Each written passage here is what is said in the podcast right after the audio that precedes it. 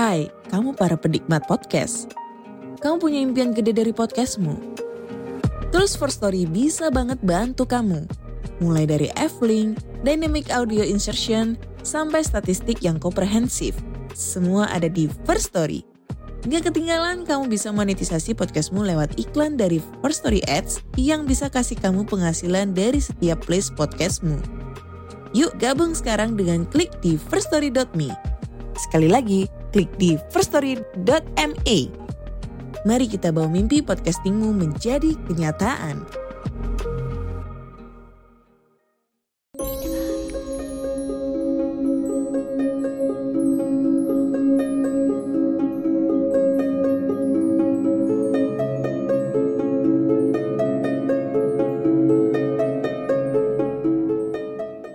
Halo, selamat datang dan selamat malam. Kembali lagi saya Denny, narator dari Rumah Horor Indonesia. Terima kasih buat kalian yang sudah subscribe di channel ini dan juga follow kita di podcast Rumah Horor Indonesia di Spotify. Seperti biasa pada malam hari ini saya akan membacakan sebuah cerita horor buat kalian untuk menghibur kalian di malam hari ini. Cerita kita pada hari ini adalah Istri Jin.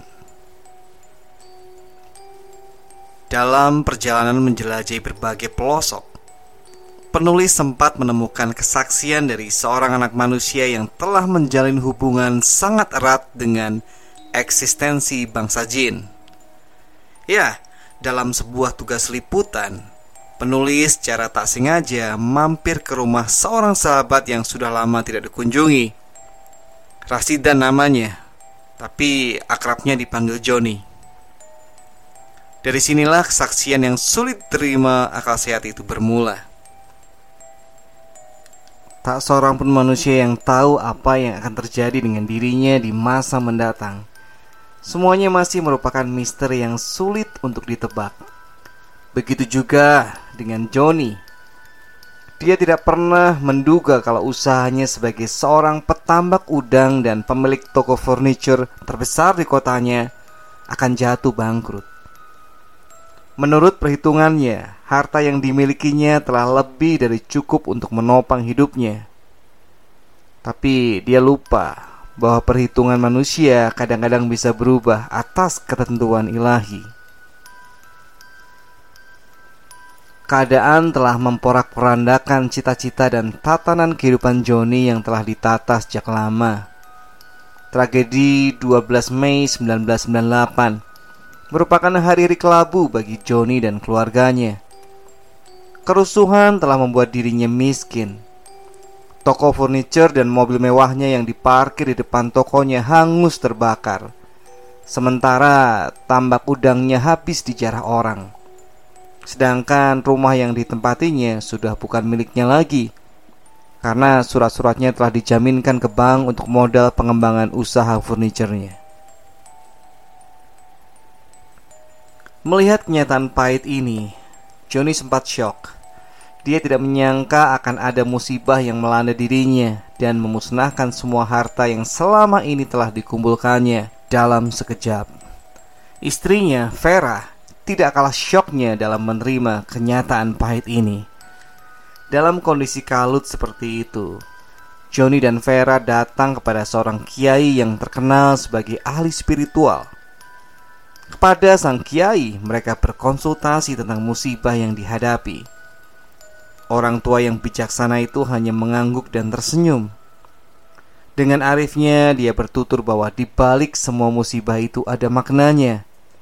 Makna itu bisa bermacam-macam.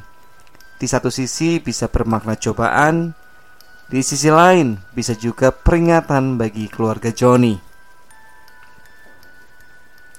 Menurut mata batin sang kiai, selama ini Joni dan Vera tidak pernah mengeluarkan zakat, amal, dan bersedekah. Padahal selama ini mereka menerima terus-menerus rezeki dari Yang Maha Kuasa. Mereka telah ditutupi oleh penyakit hati, yakni pelit untuk mengeluarkan sedekah dan zakat amal yang merupakan hak orang lain, terutama hak anak-anak yatim, para janda tua dan kaum duafa. Akibat dari semua itu, maka datanglah peringatan bagi mereka. Joni membenarkan ucapan orang tua yang bijak itu. Namun yang terpenting, bagaimana caranya agar dia tidak diusir dari rumahnya karena tidak mampu lagi membayar cicilan ke bank akibat usahanya bangkrut. Orang tua itu berbisik pada Johnny memberi solusi mencari uang secara pintas. Bersediakah nak Johnny menikah dengan Jin? Menikah dengan Jin? Bagaimana mungkin? Tanya Johnny. Apa yang tidak mungkin itu akan menjadi mungkin kalau Allah menghendakinya, ujar sang kiai. Menurutnya persyaratannya tidak begitu susah Pertama, harus seizin istri karena dia akan dimadu. Kedua, menyediakan kamar khusus untuk menyongsong kedatangan istri jinnya yang akan datang pada waktu tertentu. Terkait dengan syarat pertama, pada masa pengantin Joni harus menemani istri jinnya selama satu bulan penuh. Mengingat masih dalam suasana pengantin baru. Setelah itu waktu menggilirnya diatur seminggu tiga kali. Syarat ketiga, dia tidak boleh main perempuan lain. Dalam artian, Joni tidak boleh lagi tidur apalagi menikah dengan wanita lain. Atas kesepakatan dengan Vera, Joni akhirnya bersedia mengawini makhluk yang berlainan alam itu. Sesuai dengan waktu yang telah ditentukan, ritual pun dimulai. Joni sudah siap di kamar orang tua itu. Suasana di kamar agak lain seperti ada hawa sejuk yang menyenangkan. Setelah melakukan upacara ritual, suasana begitu sangat syahdu, namun terasa berbalut mistik. Sepi namun sesekali terasa mencekam. Tak lama kemudian, Joni mendengar ada suara dari luar. Assalamualaikum. Suara itu begitu lembut. Joni tersentak. Orang tua itu berbisik, pengantin wanitanya sudah datang. Segera dia bangkit membukakan pintu. Tampak seorang gadis cantik berjilbab putih dengan gaun terusan warna hitam bergaris lembut. Melihat keanggunan dan kecantikan gadis itu, kerongkongan Johnny seperti tercekat. Tak sepatah kata pun terucap dari bibirnya. Hingga kemudian gadis itu berkata, "Inikah calon suamiku? Perkenalkan, Namaku Siti Zubaidah. Kau Joni kan? Setelah berkata demikian, gadis itu duduk di sebelah Joni. Singkat cerita, dengan disaksikan oleh orang tua itu terjadilah proses pernikahan dua makhluk ciptaan Tuhan, namun yang berlainan alam itu. Sungguh menakjubkan, setelah Joni beristrikan Siti Zubaidah, kehidupannya terus mengalami peningkatan Aku diberikan uang sebagai modal untuk memulai usaha baru, cerita Johnny. Menurutnya, istrinya yang bangsa jin itu memberi suntikan modal untuk membayar hutangnya di bank, merehab tokonya yang telah terbakar, dan melanjutkan usaha tambaknya yang habis dijarah. Bahkan bisa untuk membeli mobil baru. Semua itu atas bantuan Jubaidah, di samping fitrah Joni sebagai manusia yang terus bekerja keras. Di samping usaha tambak ikan ini, kini Joni juga menekuni profesi barunya sebagai supplier obat-obatan. Mungkin hal ini dimungkinkan karena ada kekuatan gaib yang mendorongnya hingga usaha apa pun yang dijalankan olehnya selalu berhasil. Ketika penulis bertamu ke rumahnya, Joni bercerita penuh antusias tentang Zubaidah yang penduduk alam gaib itu. Atas keinginannya, dia akan mengundang Zubaidah dan memperkenalkannya denganku. Aku sempat mencegah dengan alasan takut melihat wajah dari makhluk yang berlainan alam itu. Namun Joni tetap bersikeras untuk mengundangnya. Menurutnya, Zubaidah mempunyai kemampuan untuk mewujud layaknya seorang manusia. Ya, karena kau memaksa ya udah, aku bersedia saja. Begitu akhirnya kata penulis. Tak lama kami mendengar deru mobil memasuki halaman rumah. Seketika suasana di penghujung malam itu sudah merubah aura menjadi penuh dengan kegaiban. Kijang kapsul warna putih metalik melewati kami yang sedang duduk di beranda muka. Sementara mobil itu berhenti di pavilion samping rumah. Segera Joni menyongsong wanita yang turun dari dalam mobil itu. Sekilas pandangan, penulis menoleh dengan diiringi oleh bulu kuduk yang meremang. Jantungnya berdetak kencang. Penulis segera paham dengan situasi itu. Memang wanita itu terlihat cantik dengan gaya modis berbusana muslim. Joni dan wanita yang mungkin adalah Siti Zubaidah itu terlihat masuk lewat pintu samping namun tak lama kemudian wanita itu keluar lagi meninggalkan tempat itu tanpa sempat bertemu muka denganku. Aku berdecak kagum atas penampilannya dalam permainan imajinasi sudut pandang.